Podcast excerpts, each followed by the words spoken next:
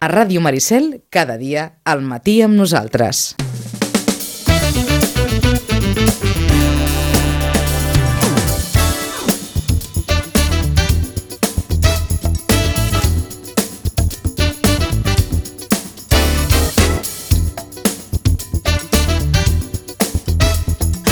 Vinga, doncs una mica de crònica esportiva. Eh, abans no arribem a les 11 i avui hem de començar amb dues bones notícies. Una que té a veure amb el món de la natació. I si parlem de natació, vaja, gairebé ens hauríem de posar d'en peus perquè Toni Ponce ha participat en el Campionat d'Espanya de natació adaptada per comunitats autònomes que s'ha disputat aquest eh, passat cap de setmana a Cádiz. I clar, quan parlem de Toni Ponce i de natació, això ja mm, gairebé és sinònim d'èxits. Excel·lents resultats del nedador del Club Natació Sitges amb 6 ors, una plata i un bronze, formant part també del conjunt de la selecció catalana. Al nedador del Club Natació Sitges li hem demanat que ens faci una valoració, un balanç i, òbviament, aquest balanç positiu. Bueno, bé, la valoració molt contents, un campionat eh, d'Espanya molt important, no? on on a part de, de fer les tres proves individuals també és, mm, normalment participem en molts dels relleus de, de la selecció catalana per poder lluitar aquest campionat d'Espanya per clubs. Eh, un cop això doncs, bueno, hem tingut la gran sort de tornar a guanyar el campionat de, de Catalunya, a part fent molt bona puntuació, ha sigut, era complicat perquè érem un equip petit, però realment els seleccionadors han fet un bon equip on, on tots hem arribat a puntuar i ajudar que Catalunya sigués campiona d'Espanya i a nivell personal molt content, no? Eh, nedant les principals proves que, que he de nedar en el pròxim Mundial de, en, a Madeira, el pròxim Mundial de Natació Paralímpica, on, on ja estem classificats uh, fa, abans d'acabar aquest any i en aquest campionat hem revalidat encara més proves amb aquesta marca mínima que, que estableix el seleccionador espanyol i bé, eh, les conclusions són molt bones, sabem que anem pel bon camí, sabem que estem treballant molt bé i ja et dic, ara queda la recta final eh, on preparem aquest campionat del món que també és molt important. Aviam si podem tornar a lluitar aquests podis en les més principals proves, en el 200 metres estils, 200 metres lliures, 100 metres braça, i que són les principals i bueno, hi ha un relleu del 4x50 estils mixtes també molt potent, i també un 100 lliures individual bastant potent, no? Però bueno, ja et dic, eh, ara l'objectiu i la finalitat és treballar, seguir entrenant, seguir posar-nos eh, al 100% per, per poder rendir al màxim a, a aquestes dates, no? A, abans de Sant Joan estem parlant de, del 12 al 18 de, de juny que es disputarà aquest campionat de, del món.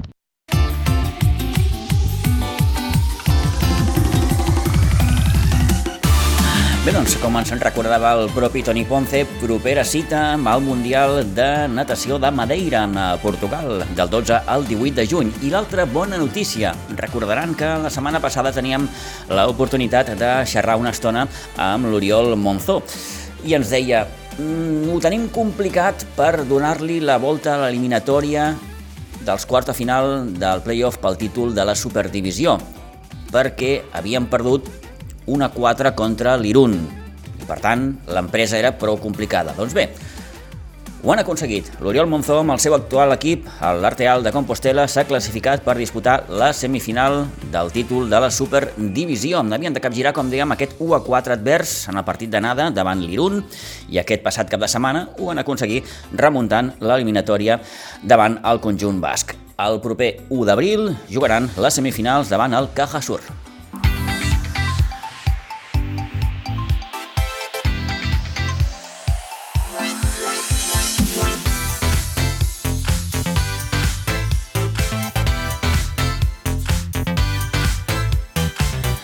I em sembla que el que ve ara són bons resultats, també.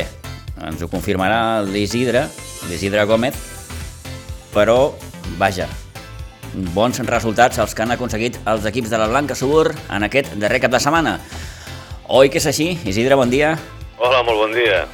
Pues sí, estem cofolls. Cofolls, cofolls. Cofolls. Després ens fas el, el, el balanç general, però bé, hem de començar per la primera de les grans victòries, diguem-ho així, la que va aconseguir amb el juvenil de preferent, que ahir el Nou Pinsbens no va donar marge a la sorpresa i es va desfer de la repitenca del CUE, eh? dèiem allò que mm, en una setmana passarem de jugar contra el CUE i amb el líder. Doncs la feina amb el CUE es va fer gràcies ahir al 2 a 0, un gol a cada part i per tant 3 punts més, Isidre.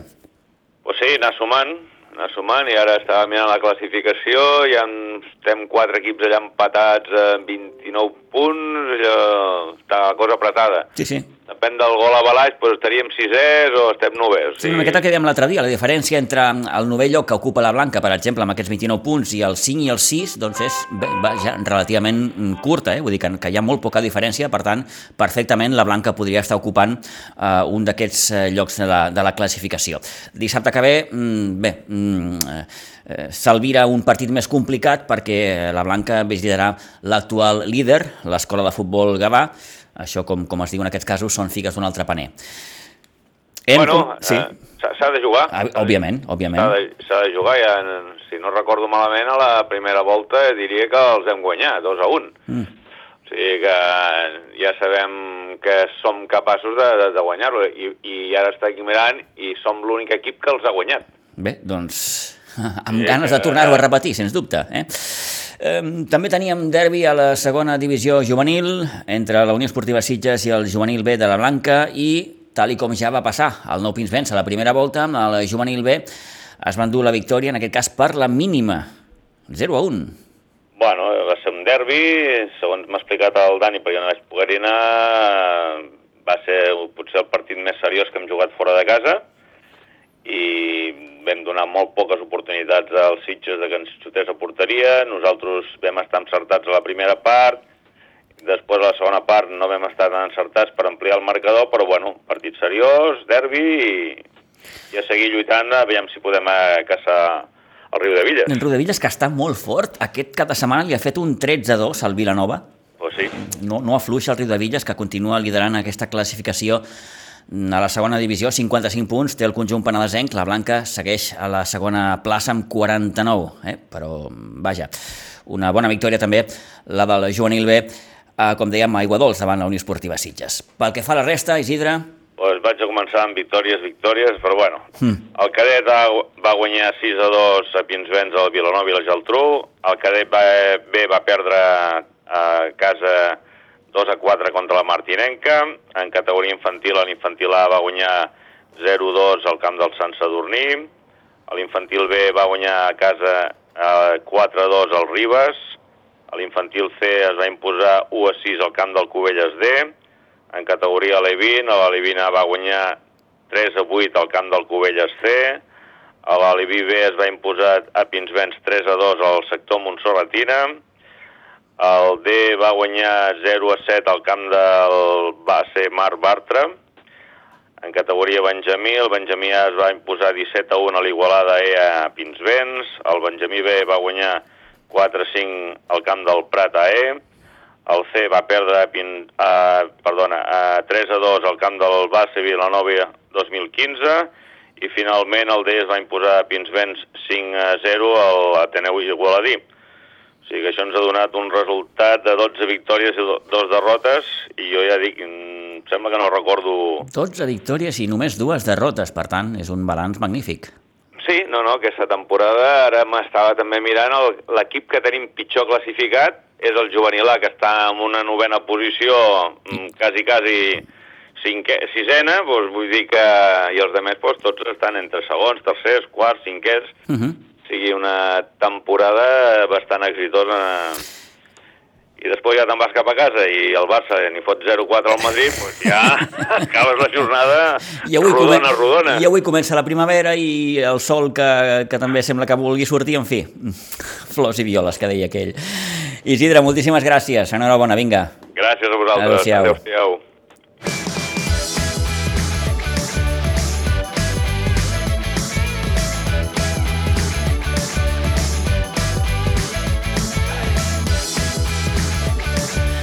Bé, doncs, bons resultats dels equips de la Blanca. Eh, Seguim parlant de futbol perquè a la segona catalana, en el seu grup segon, s'ha disputat la jornada número 21. Mm, no va guanyar, però tampoc va perdre, i això ja és una bona notícia. Més que res perquè la Unió Esportiva Sitges, com recordaran, duia una trajectòria, una dinàmica negativa de quatre derrotes consecutives. Ahir, a la tarda, desplaçament al camp de l'Sporting Gavà 2013 i empat a 0. I no sé si dir que empat a 0 i gràcies perquè l'Sporting Gavà va tenir l'oportunitat de desequilibrar la balança amb un penal que li van xiular al minut 18. Sortosament, pels interessos dels Sitges, l'Sporting Gavà va errar el llançament des dels 11 metres i aquest 0 a 0 ja no es va moure fins al final del partit. Toni Muñoz, bon dia, bona hora. Bon dia, Pitu. Mm, és un bon punt aquest? Home... Mm, o és poc? Per mi és poc per mi és poc, perquè, doncs, sí, eh, doncs que l'Atlètic Gavà està en, en una zona que, que té que sumar punts per sortir d'aquí, però la primera part el Sitges va patir molt eh, i fins i tot, com tu has dit abans, eh, el van xular un penal que per sort per Sitges lo van llançar fora, no? Eh, és, és molt poc. El que passa que la segona part el Sitges va canviar molt, el Sitges va eh, agafar un altre to, el mig del camp del Sitges va funcionar força bé i fins i tot, eh, doncs una altra vegada el Sitges va, va, va estar una mica perjudicat perquè doncs, es parla molt d'una pilota eh, que entra dintre de la porteria eh, de l'Esporting Gavà eh, i doncs eh, l'àrbitre a instància de l'auxiliar ell sí que lo veu que la pilota entra, però l'auxiliar doncs eh, no lo veu així i doncs eh, per mutu acord entre tots dos no donen el gol, no? quan realment doncs, es veu que la pilota sí que va entrar. Va, va ser una jugada molt semblant a la que jo vaig veure a Moja, no? Uh -huh. eh, eh, així me lo van explicar, que més o menys va ser així, no? I, i va ser una llàstima, no?, perquè, doncs, eh, podia haver descantat la balança aquest gol. I a més a més també, doncs a la segona part el Sitges va tenir un parell d'ocasions clara. Una la va tenir Geri, eh, doncs, eh, que no va voler entrar a la pilota. Va fer més el Sitges a la segona meitat, però clar, eh, com va passar a Moja, doncs a la primera part no va ser bona del Sitges, la va llançar una miqueta i gràcies eh, que van fallar el penal. És Potser en una altra circumstància seria un bon punt, Toni. Sí. Eh, no dic que no sigui bo, perquè, clar, vens el que vens. Vens de perdre els últims quatre partits. I, com a mínim, mm, no acumules una, una nova derrota al sac. Sí, sí, sí. Eh, eh és, és allò, perdona, eh, és allò d'intentar sí. voler veure el got mig ple. I, fas una cosa que no havia fet al llarg de tot el campionat eh, que és empatar un partit, no? Eh, I empates al camp, al camp contrari. Tot el que suma a camp contrari és bo, però clar, mm, vens de quatre derrotes consecutives i, i el que tu vas a buscar és trencar aquesta dinàmica, no? La trenques, l'atures la, la, una miqueta, però no lo suficient. És un punt, és un punt bo, perquè més d'un filmaria aquest punt, eh? el que passa que és això, no? Vull dir que al Sitges le, fa, le feia falta molt los tres, perquè mira el que són les coses. Sant Mauro va Mm, patim moltíssim sí. per a guanyar el Sant Quirze, però al final un solitari gol eh, li va donar els tres punts, eh? i va ser a la segona part, eh, i, i en els últims minuts, no? Eh, I clar, eh, sumar els tres punts, el Samaria ja es col·loca a cinc punts eh, dels Sitges amb un partit menys, compta amb un partit menys, uh mhm. -huh. eh, eh, es col·loca 5 punts i tens el Prat 3 punts per davant dels Sitges, no? Sí, sí, Perquè el, el, el Prat també va fer la seva feina, sí, no? Sí, li va fer un 5 a 0 a l'Òdena, un resultat més que previsible. El Sant Mauro va patir, com, com explica el Toni, per derrotar el Sant Quirze per 1 a 0. També van guanyar Terlenca i Marianau. Compte el Terlenca, perquè està només a 3 punts dels Sitges, eh? Perdó, sí, a un punt, sí. a un punt, a un punt, perdó a un punt, a un sí, punt, sí, sí, sí. a un punt dels Sitges i té aquesta setmana un partit que no és tan molt complicat per, per Terlenca, no? Eh, per, això, per això que, a veure, al Sitges no li toca més que guanyar el Marianao Poblet el, el diumenge aquí a casa, eh? Sí, Sumar els tres punts, eh, reafirmar-se una altra vegada amb les opcions i, i tirar endavant, no? Un Sitges que, doncs, el, la setmana passada eh, Ángel Calvo deia, doncs, que que anaven a fer una nova incorporació, no? Eh, mm, encara no han dit el nom, encara segurament aquesta setmana, perquè clar, aquest jugador està jugant amb un altre equip, eh, i doncs eh, està fet amb el jugador, però potser falta alguns, algunes cosetes. Alguns serrells, que es diu. I, eh, correcte, i jo te lo puc adelantar, jo, eh? eh no ho sap més que tu i jo, i si no no escolta ningú, lo sabrem tu i jo. Si no escolta molta gent, doncs ja s'enteraran. És Roberto Angulo. Roberto Angulo, sí senyor, que torna en aquest cas als Sitges. Correcte. És un home que estava, uh, que és del mig del camp, que va jugar amb els Sitges, va anar a la Joventut Ribatana, va fer un, una sensacional temporada. Estava al Vilanova, una lesió lo va apartar bastant, eh, pràcticament una temporada, eh, ara es torna a recuperar, potser no té els minuts que ell vol eh, i doncs d'aquesta manera doncs, sembla ser que vindria als Sitges. Doncs ens apuntem el nom de Roberto Angulo com a possible, probable incorporació del conjunt de l'Uri Sorroche i es podria acabar de confirmar aquesta mateixa setmana. En una jornada, Toni, en què l'Olivella va perdre a casa 2-3 amb el Moja i el, sí, Cubelles, vaig... i el Cubelles també va perdre a casa 1-3 amb la Fundació Leti Vilafranca. Vaig veure el partit de l'Olivella, eh? Mm. eh? No es va mereixer eh, aquesta derrota, eh, perquè l'Olivella va fer mèrits eh, doncs, per a no acabar perdent el partit. Eh, S'adelantava l'Olivella eh, Eka Garcia de penal i l'empataven al, al Moja perquè de fet eh, té molt bon tiradors el Moja i a pelota aturada és un equip que fa molt de mal. Està, està molt ben treballat pel Manel, eh? jo penso que el Manel està fent una feina formidable al Moja, empataven, després Àlex Casanyola feia el, al minut 71 el 2 a 1 i a partir d'aquí doncs en una pilota també, eh, una jugada pilota aturada, per mi una falta mm, d'aquelles que xiulen i moltes vegades no, eh, doncs uh, Roger Oye fa el 2 a 2 i per mi la, la, la, la, la taca, no? la taqueta va ser una, una jugada l'últim, eh? de fet va ser el minut 91, una sortida del porter de l'Olivella, doncs uh, se porta per davant el defensor, però no és mm, dintre de l'àrea. Per mi és fora de l'àrea perquè jo estava molt al costat. L'àrbitre no ho veu així, l'auxiliar no diu res i doncs xiula penal, no? un penal que no falla Ramon Gutiérrez i fa el 2 a 3 definitiu. Bon partit, eh? me va agradar molt l'Olivella, també el Moja, eh? perquè déu nhi la feina que està fent Manel Rodríguez amb aquest equip, eh? i doncs al final no va tenir sort l'Olivella i va acabar perdent. A tercera catalana compta perquè el Sitges B porta, amb la d'ahir a Riu de Villes, quatre victòries consecutives, Toni. Sí, sí, sí, i a més a més, eh, oh, que partidàs. Eh, el Sitges va fer un partit de, de principi a final. Va, ser, va fer un gran partit, va guanyar de totes a totes al Rudivilles i de fet el que són les coses, el Sitges, mira, a la primera part, a els primers minuts, eh, el, le fan, le fan un, un penal claríssim als Sitges, eh, doncs eh, després doncs, l'anulen un gol que per a mi és un gol, eh, gol eh, legal. legal, perquè a més a més la pilota va per davant del jugador. Tot això a Josep, eh, el penal se lo fan al Josep, el gol se l'anula al Josep. Josep, eh, per mi, un dels jugadors destacats en aquest partit. I tot això, al minut 25, eh, ells en una jugada, l'única jugada que tenen en atac, marquen el gol l'1 a 0 i es posen per davant, després de que el Sitges estava jugant força bé, que havia tingut totes aquestes ocasions, que havia tingut aquest gol anul·lat, per a mi claríssim, i Guillem, Guillem Gràcia, doncs, eh, d'un fort xut, empata el partit i acaba la primera part eh, amb aquest 1 a 1. La segona part és una altra història. El Sitges eh, juga en cap, eh, llegim molt bé la, a perfecció el, el partit. Un xut eh, de Gianmarco se l'escapa al porter. Jo no sé per què no le donen el gol a Gianmarco si el xut és d'ell.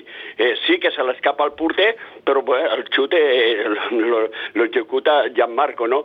Fa el, el 1 a 2, després Josep en una gran jugada fa el 1 a 3, Gianmarco també d'un xut des de fora l'àrea l'1 a 4 i al minut 76 eh, Daniel Pérez maquilla trilla una miqueta el resultat, el 2 a 4. Gran partit del Sitges, un Sitges que va ser molt superior al Sant Pere de Villas i un Sitges que si continua jugant així, eh, Déu-n'hi-do mm, com pot acabar. Eh, ara comentem alguns resultats d'aquesta jornada i com queda la classificació, però en acabar el partit el Toni Muñoz parlava amb l'altre Toni, amb el míster, amb Toni Salido, i aquesta era la seva valoració. Bueno, yo lo, la verdad que, que, que, lo he visto también muy bien en todas las líneas. También es verdad que, que nosotros estamos a, nos cuesta más porque jugamos en un campo muy pequeño y al final la presión es mucho más cercana, ¿no?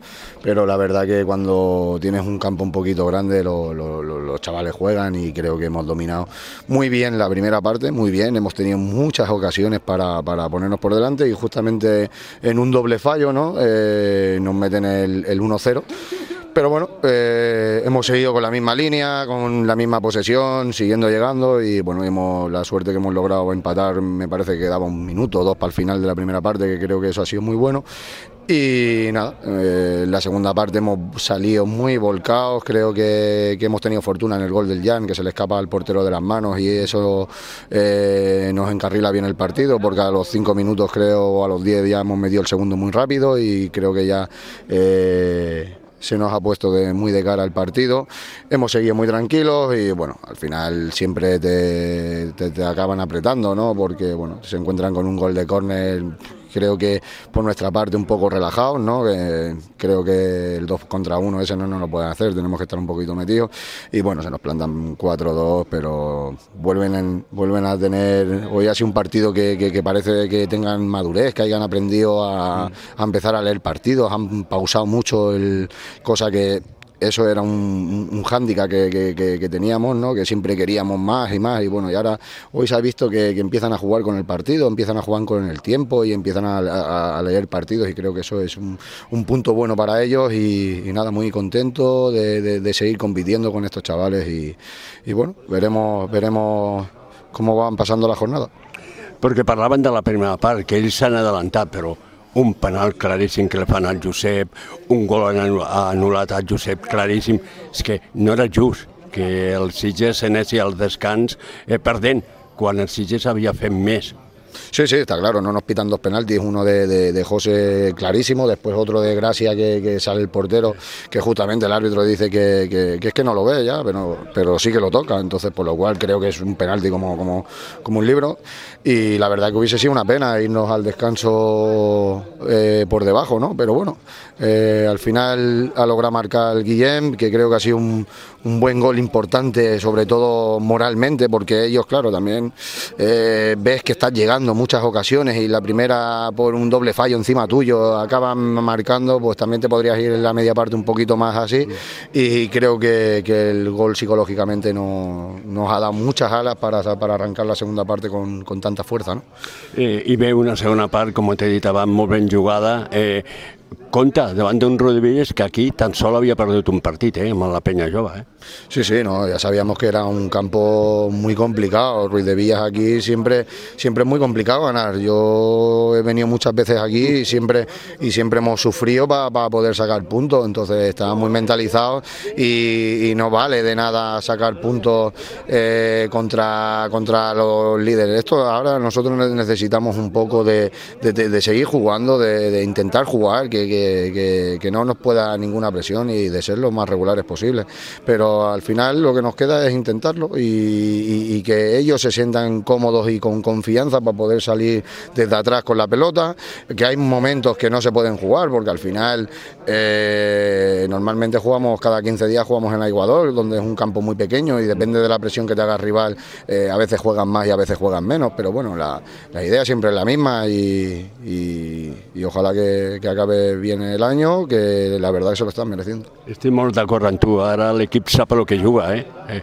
Sap quan té que parar el tempo del partit, quan té que passar la pilota, quan té que buscar la pilota llarga, sap el que juga ara. Sí, hemos hecho una mejora muy, muy, muy grande, está el equipo muy sólido, están, están metidos y espero que continuemos con esta línea porque la verdad que, que, solamente son, son, ellos, ¿no? El esfuerzo, le intentamos, le intentamos en ayudar en según qué aspectos, pero al final son ellos los que, los que están evolucionando, los que cada vez creo que están siendo más futbolistas, ¿no? Porque bueno sí que lo son, pero en, en según en aspectos de partido se, se, iban y tal, y creo que cada vez somos más sólidos y eso nos va a hacer más fuertes. La última, eh, dona la sensació que aquest equip se sent més còmode. bueno, ja ho sabem, pel camp. A camp contrari que no a casa, eh? perquè mira que a camp contrari és que tan sols heu perdut un partit, eh? Bueno, eh, al, final, al final las dimensiones del campo nos pueden afectar, claro, al final cuando un campo es más pequeño eh, la presión del rival es más cercana. Y si te hacen una buena presión, porque ellos también, igual como tú intentas jugar, ellos intentan de que no jueguen, ¿no? Entonces es un toma y daca, si hacen una buena presión, pues ese día juega menos, eh, tienen menos posesión de balón, pero bueno, eh, lo seguimos intentando, entonces por lo cual... Eh, contento con ellos y, y, a seguir. Que jugamos en campo un poquito con dimensiones más grandes, pues bueno, pues nos sentimos cómodos porque es, nuestro, es nuestra idea y es nuestro fútbol y, así, y así mucho mejor, la verdad.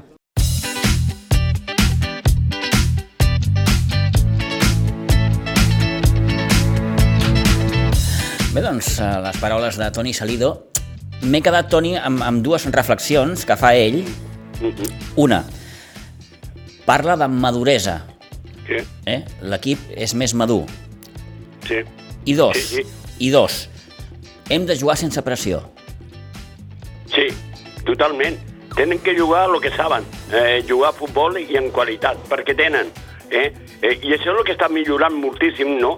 I, i estic d'acord amb ell, no? Eh, que el Sitges, el jugador, el tipus de jugador que té aquest Sitges, el que l'agrada és molt eh, el camp gran, no?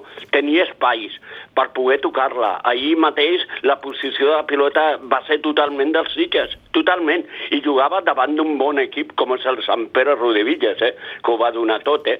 Mm, és això, i me quedo amb tot això. Sí, és un equip que ha madurat molt, que està treballant molt, que potser no se li veu les coses eh, que està prenent bé els jugadors al municipal perquè no tenen espais, però el que és eh, fan i, i fidel als Sitges i va a camp contrari, a camp que són més grans, allà sí que veu que l'equip està evolucionant i molt. Tot això en una jornada en què no hi ha hagut canvis, és a dir, eh, tots els de dalt han guanyat. Va guanyar el Ribes 3 a 2 al Torellenc, va guanyar el Vilanova del Camí 0 a 3 a la Granada, va guanyar l'Atlètic Vilanova 0 a 3 al Camp de la Noia i, eh, per descomptat, va guanyar la Penya Jove 4 a 1 a la Pobla de Claramunt. Això vol dir que la Penya Jove segueix al capdavant de la classificació amb 55 punts, eh, té a 8 l'Atlètic Vilanova, que ara mateix és el que ocupa aquesta segona plaça, el Ribes tercer amb 45, el Sitges B quart amb 44 i el Vilanova del Camí cinquè amb 42. Per tant, aquesta segona plaça, Toni, que, que, que és tan cara, eh?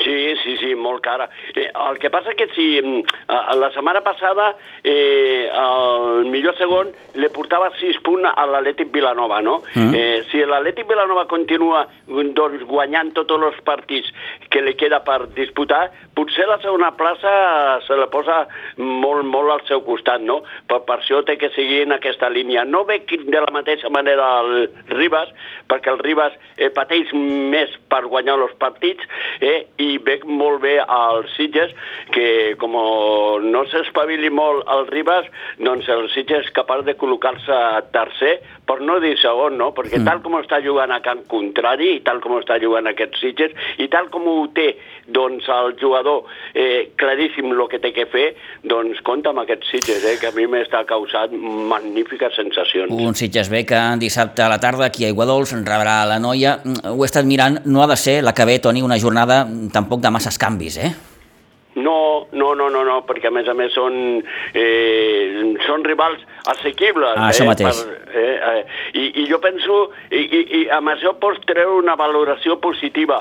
Una jornada menys per la penya jove, eh, que a poc a poc cada vegada està més a prop de, del campionat. Mira que ells mm, tenien les seves dubtes, no?, perquè doncs, aquestes derrotes amb els Sitges i amb el Ribas eh, los va fer reflexionar, però per mi, eh, amb els equips d'aquí, eh, sí que n'hi ha més igualtat, però els equips de la Noia i el Penedès, el Penya Jove és molt superior. Però ens quedem bàsicament amb això, amb aquesta quarta victòria consecutiva del Sitges B i del bon moment eh, de forma del conjunt de Toni Salido.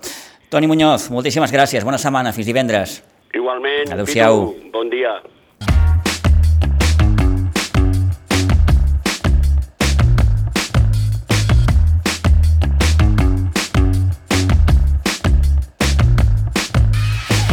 19.54 i dissabte passat el bàsquet Sitges que per fi va poder tornar a jugar un partit a casa. Mm, Han passat gairebé sis mesos, mig any, que aviat està dit. Um, moltes emprenyades, molta decepció per veure que mm, el dia no arribava i, i el dia va arribar. De fet, dimarts de la setmana passada ja s'hi va poder entrenar i dissabte, davant el Vendrell, victòria, 69 a 52, un partit en línies generals molt igualat, bàsicament en els tres primers parcials, 17-16, 17-16, 16-14. Al descans, un mínim avantatge de 2 punts, 34-32. Un partit que només es va poder trencar al darrer quart, amb un 19-6. Tot s'ha de dir, Vendrell amb baixes importants.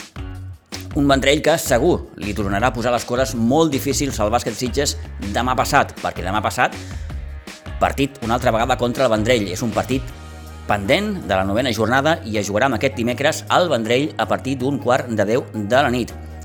Des de l'aspecte anotador, Bustos, màxim anotador amb 13 punts, Destacar també la participació de Nacho Velasco perquè mm, eh, teòricament Nacho Velasco no havia de jugar al partit perquè arrossega problemes físics, però va poder disputar només 9 minuts del darrer quart, suficients per, bé, per demostrar i ho escoltaran d'aquí uns moments, com assegurava Baltamolina que Nacho Velasco és l'ànima de l'equip o una de les ànimes de l'equip. Bé, total, que en acabar parlàvem amb Baltamolina d'aquesta victòria i, òbviament, de la felicitat que suposava tornar a jugar al pavelló de Pinsbens. Estàvem desitjant de tornar aquí i es nota molt als entrenos i de fet avui hem notat el partit però en un punt de vista inclús negatiu però bueno, ja ens acomodarem ja, ja m'està bé, ja m'està bé es nota moltíssim, podem treballar moltes més coses i encara que només hem fet tres entrenos eh, hem notat, ostres, més dinàmica, més de tot. Estic content, estic, estic molt content. Bé, malgrat entenc que també caldrà potser un petit procés d'adaptació, no? Sí, sí, sí, així és. I crec que s'ha vist. Uh, L'encert que hem tingut no ha estat gaire fi. Tirs lliures, 50 i pico, ha estat fatal. Aquí se'ns han anat quatre puntets ben, ben, ben bons. Eh, I després una, ens ha costat entrar a la dinàmica de l'encert des del tir exterior, que és el que més notarem fins que no ens acomodem al nou terra, que és diferent del que estem jugant des de fa molts anys i no, no només darrerament a la pista de hockey, sinó al terra que teníem ja. La, la petjada és diferent, el salt, és tot una miqueta diferent. I de fet, el Nacho avui eh, no ha pogut jugar tot el que, el que voldríem i el que juga habitualment perquè es va ressentir d'això i ha tingut molèsties a, als, als peus per aquesta manca d'aclimatació. Espero que no sigui res greu i que d'aquí pocs entrenos doncs, eh, podem trobar això com la normalitat. Podem sentir-nos normals aquí a casa. En principi el Nacho no havia de jugar avui, potser? No havia de jugar, avui no havia de jugar. Si la cosa estava bé, el reservaríem, però arribat a l'últim quart anàvem justets mm, mira, per no arriscar gaire i ell es trobava bé sobretot perquè ho hem parlat durant tota la setmana i ara el partit ell s'ha trobat bé a la roda encara i això volíem reservar i al final hem decidit de jugar i, i s'ha notat doncs, moltíssim. La, el Nacho és l'ànima de l'equip. Encara que no sigui qui més anota, sí que és qui més assisteix, però la dinàmica que ell dona i, en fi, tot. És, és, és una peça clau de l'equip. Quina lectura fas del partit? Perquè probablement aquest 69-52 eh, és irreal. Sí, denota sí. molta més diferència de la que hi ha hagut sí. a la pista. Sí, sí, és que de fet eh, els tres primers quarts eh, 4 a dalt, em sembla. Eh, arribat a l'últim quart, si no recordo malament, 4 a dalt. Primer quart 17-16, segon quart igual, i 16-14, exactament. 4 a dalt, però imagina't aquesta igualtat, i a més amb tantejos baixos. De, estàvem parlant, estem parlant de la, de la millor defensa de la, de la Lliga. El Vendrell és l'equip a qui menys punts, eh, qui menys punts rep eh, clar, no havien de venir aquí i deixar-nos eh, fer cistelles. Eh, ja, ja esperàvem una cosa així. I tot i que, mm, malauradament per ells, és un equip ple de baixes. El Joan Soler, una peça importantíssima, ja s'ha notat que hi havia jugadors amb problemes. Per això per nosaltres això ens ha facilitat la feina, evidentment. Potser avui, a diferència d'altres partits, ha estat més un, un treball de, de formigueta, no? De- de- de- d'anar d'anar fent, d'anar fent. Sí, sí, sí, i ens ha costat, ja ves que, has vist que a principi del partit doncs, hem perdut una, una miqueta l'oremus, no? Hi ha jugadors una miqueta fora ja del partit, a protestar, bueno, menys mal que a la mitja part s'ha reconduït la cosa, Clar, veníem acostumats a quatre partits de, de 20 i pico punts de diferència i ja tenir el partit solucionat a la mitja part. Això no ens passarà de- d'aquí a final de temporada i molt menys quan arribi eh, la lligueta d'ascens. Ens hem I això d'avui serà el que... Bueno. O seria el més normal, diguem. Sí, ojalà, ¿dónde tengo que, ¿dónde tengo que firmar? No, no, això serà molt pitjor. Serà molt pitjor, clar. Eh, arribaran eh, equips amb, amb ple de jugadors amb bones eh, sensacions perquè hauran acabat segons, tercers de la Lliga i, i ens la veurem magres, i tant. Hem de, hem de prendre d'aquestes circumstàncies i ja m'agrada que aquest partit no s'hagi solucionat eh, des del principi, com altres, i que el primer quart ja ens, eh, anéssim marxat de 20 punts, ja m'agrada que- haver patit d'aquesta forma. Això d'avui era la primera part. Dimecres toca la segona. Eh, preveus un tipus de partit molt, molt diferent o preveus un Vendrell molt diferent al d'avui o... Jo penso que ells no seran gaire diferents. De fet, els he vist molt bé.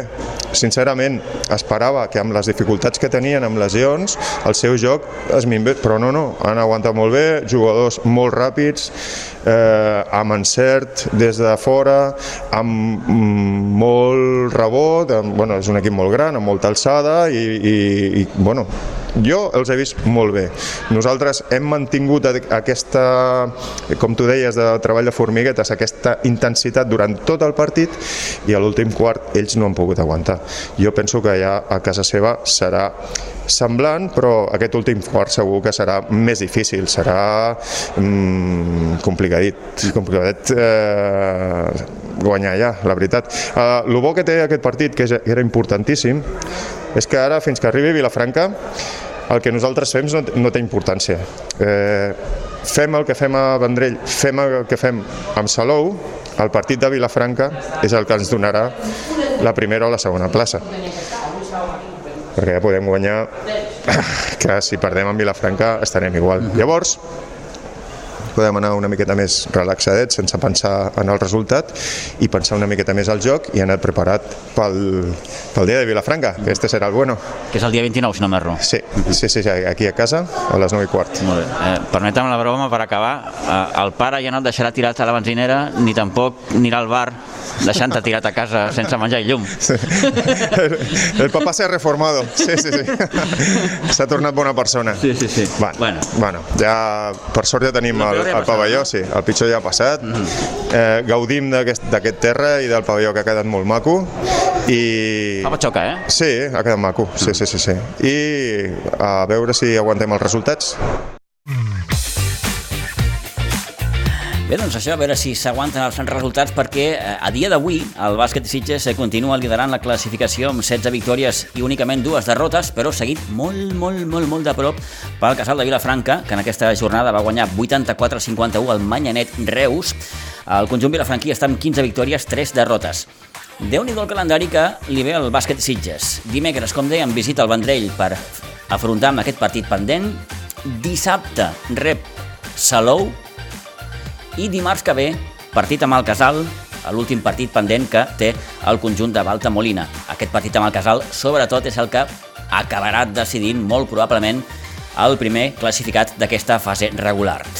De bàsquet també destaquem la derrota del sènior B, que va perdre 62 a 56 a la pista del Samà i, com no, la bona victòria una més del sènior femení que es va desfer 51 a 41 del Club Nou Bàsquet Vilanova. Una nova victòria per les noies de Nacho Vicente que l'apropen cada cop més a poder jugar les fases d'ascens de categoria. Hoquei patins, amb ahir a Pinsbens i en partit pendent de la primera jornada de la segona fase, de la fase de permanència, el partit que s'hauria d'haver jugat coincidint amb el cap de setmana de Carnaval, el Club Patí Subursitges va perdre 2 a 4 amb el Sant Just, un Sant Just que es va arribar a posar 0 a 3 i Eloi Eloi Fernández, a poc d'acabar la primera part, va donar alguna esperança amb l'1 a 3. A la segona meitat, començava un nou partit, diguem-ho així, gràcies al gol que anotava Isaac Martínez, que era el 2 a 3, però el Sant Just va acabar fent el 2 a 4 a 10 minuts del final. Al final del partit parlàvem precisament amb el segon golejador del eh, Club Patí Subursitges, amb el capità Isaac Martínez. Diu que estan contents, malgrat els mals resultats. Estem contents perquè estem en una bona dinàmica de treball, estem entrenant molt bé, eh, que passa que bueno, queden pocs partits i hem d'anar per tot i bueno, pues, seguir treballant. El partit s'us ha posat molt difícil amb el 0 a 3, amb el 2 a 3 començava un nou partit, eh, mm, vaja, aquí cada punt que, que sumeu és molt important, heu estat a punt, però el quart gol us ha fet molt de mal. Correcte, correcte. El, estem contents perquè pues, amb un 0-3 en contra hem sapigut tirar endavant i hem tirat el partit al, al terra, però bueno, al final estem satisfets de, del treball, hagués estat bé una victòria, però bueno, seguir treballant, no passa res. De moment aquesta segona lligueta esteu amb dues derrotes, la victòria de l'altre dia aquí amb el Montbui, mm, important, repeteixo, cada punt que pugueu sumar, la setmana que ve a Lleida, un rival que està més o menys com vosaltres. Correcte, és, són tots finals, o sigui, al final, que passa que sempre jugar a casa amb l'afició, pues, tens com aquest, aquest punt extra d'energia, de, no, de tirar endavant, que fora pues, poder falla, però bueno, seguir treballant, Lleida arriba al directe i a treballar cada partit a partit fins al final. Com ho veus? Difícil, però estem segurs que fins l'últim partit, que per ser és contra el Lleida, aquí a casa, eh, lluitaran fins al final i amb el cap ben alt. Temporada difícil, eh, Isaac? La primera fase només podeu guanyar aquell primer partit aquí amb l'Andorra, ara esteu abocats a, a jugar cada setmana una, una, una final, hi ha molta pressió, no? Sí, correcte, el que passa que, bueno, eh, com, com bé sabeu, ha estat un canvi de jugadors, canvi d'entrenador, canvi de sistema, estem tornant a aprendre a jugar al hockey, el hockey del míster, no? Que estem... millor dit, no? Clar, clar, no, no, és, és, és així i, i estem jugant molt millor, ara sabem ja que juguem, estem jugant molt millor que a principi de temporada. Si tornéssim a començar la Lliga, estem segurs que, que no estaríem sofrint per, per no baixar. Llavors, bueno, pues, a lluitar, com t'he dit, a lluitar fins al final i, i bueno, ho, ho donarem tot pel, pel poble.